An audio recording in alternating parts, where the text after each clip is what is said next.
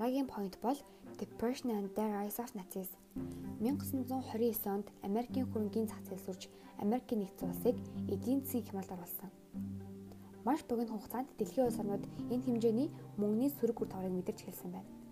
Тэд өрөө төлөхийн тулд Германы банкудаас зээлсэн мөнгө буцааж төлөхийг хүссэн. За үүний үр дүнд юу болж байна гэхээр Германд эдийн засгийн уналт нь үүсч эхэлж байгаамаа. За depression дэлхийн хэмжээнд тулгарсан томоохон асуудлуудын нэг байсан.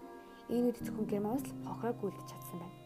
Гэсэн хэдий Герман Америкийн зээлээс маш их хамааралтай байсан учраас холбоотуудад хөлбөр төлөх шаардлагатай хэвээр байсан одоо Герман улсад хамгийн том асуудал бол болж ирж байгаамаа. За Вемрийн засгийн газар нь ажилгүйдлийн асуудлыг шийдвэрлэх бэрхшээлтэй байсан цорын ганц засгийн газар байгаагүй. За энэ сэдвээр бас давхар поинтууд бол нэмэгдэж гарч ирнэ. За эхний поинт нь энэ тэртээ нацизм. Гитлерийн санаанууд яг тэр үед л одоо онцгой сэтэлттэй авч болох үед зөв санаанууд болж гарч ирсэн. Depression хамгийн өртөмтгийн хүмүүс нь бол ажилгүйчүүд Ахмад Настан дунд ангийнхан байсан. Гитлер Германы энэ их одоо зовж байгаа шалтгаан буруутны бол November Criminals буюу одоо еврейчүүдийг буруутгахыг ард иргэдээ бол санал болгож ирсэн. Эдгээр санал нь шив шинээр гарч ирж байгаа цоош нэр бий болж байгаа бас мессеж санал бол байгаагүй.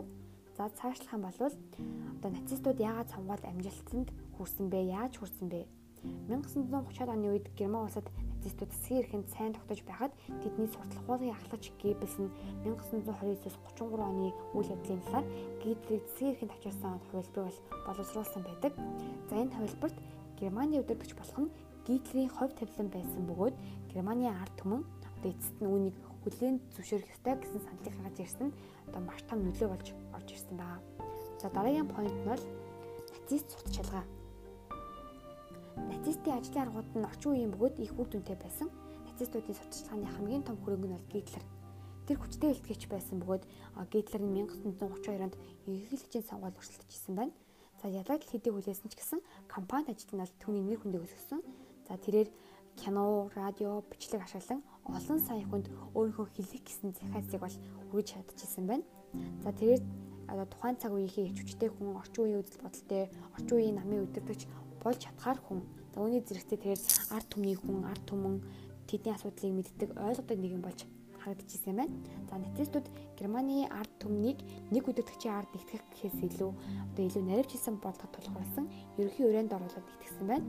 За энэ үед болж исэн үйл явдлуудаас гэх юм бол коммунист бүлэглүүд болон цагдаа нарын хооронд гудамжны тийм тулдаан бол байн гөрнжсэн.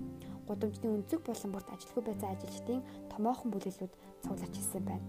За ингээд өмнө саман маш их болдог байсан гэсэн үг. Үүнийг зогсоохын тулд SA ба SS нь сахилах бад дэд журмын талаар сэтгэлдлийг болвол ард тэгдэг төрүүлсэн. За олон хүмүүс ч гэсэн улс хамт нь энэ төрлийн дэд журм хэрэгтэй байгааг мэдэрч хэлсэн байна. Дараагийн point бол сөрөг хэв нэгдэл. За энэгээр яг юу илэрхийлж байна вэ гэх юм бол за Гитлер нь хүн болгоныг соромжон мэт татдаггүй байсныг харуулж байгаа. Хүмүүс нацистыг нацист үзэл бодлыг хуваалцж байгаас биш харин нацистуудын айдас төвшөрөөс болж дэмжиж байгаа гэсэн үзэл бодол гарч ирж байгаамаа. Цаашлаад ардчлалын тал дээр гутарч байсан үзэл бодлын талаар point байгаа. Магадгүй хамгийн том сүрзэл бол Герман дахь Вемрийн ардчлал сэтгэл дундуур байсан үйл явдлаа. Улс төрчид depression-ийг шийдэж чадахгүй гэдэг тал дээр бол маш их санаа зовж исэн. Канцлер Брунинг засгийн газрын зардлыг боддоор буруулж золиослол хийх германчуудад бол уриалж исэн. Зарим төвчид түүнийг олон улсын хамтын нийгэмдлийн зүгээс нөхөн төлбөрийг туслах төрөсөн гэж зэрүүд ийм нөхцөл байдал үүсгэсэн гэж үздэг бол бусад төвчид бол түүнийг 1923 оны шиг одоо гиперинфляцаас айсан гэж боддог гэжээ. За Брунинг 1930 онд шин сонгуул зарласан. За энэ бол бүр маш буруу аимшигтай шийдвэр байсан. Шин сонгуулийн үр дүнд юу болсон бэ гэх юм бол Ажилгүйдэл нь 6 сая болж 1929 оноос хойш Германы дундаж орлого нь 40% буурсан байна. За дараагийн point нь communist threat буюу коммунист санал хийлэл. Хямрал гүнзгийрхий хэрээр коммунистуудын дэмжлэгч гэсэн нэмэгдэжсэн. Нацистууд одоо үүнийг бол өөртөө аштай тал руу эргүүлж чадсан. Коммунизмын айдад бол маш их тэмцэх зүйл бас байсан. Германы үйлдвэрчний эвлэл улам бүр хүчрхэгжиж байгаад маш их санаа зовдөг байсан байна.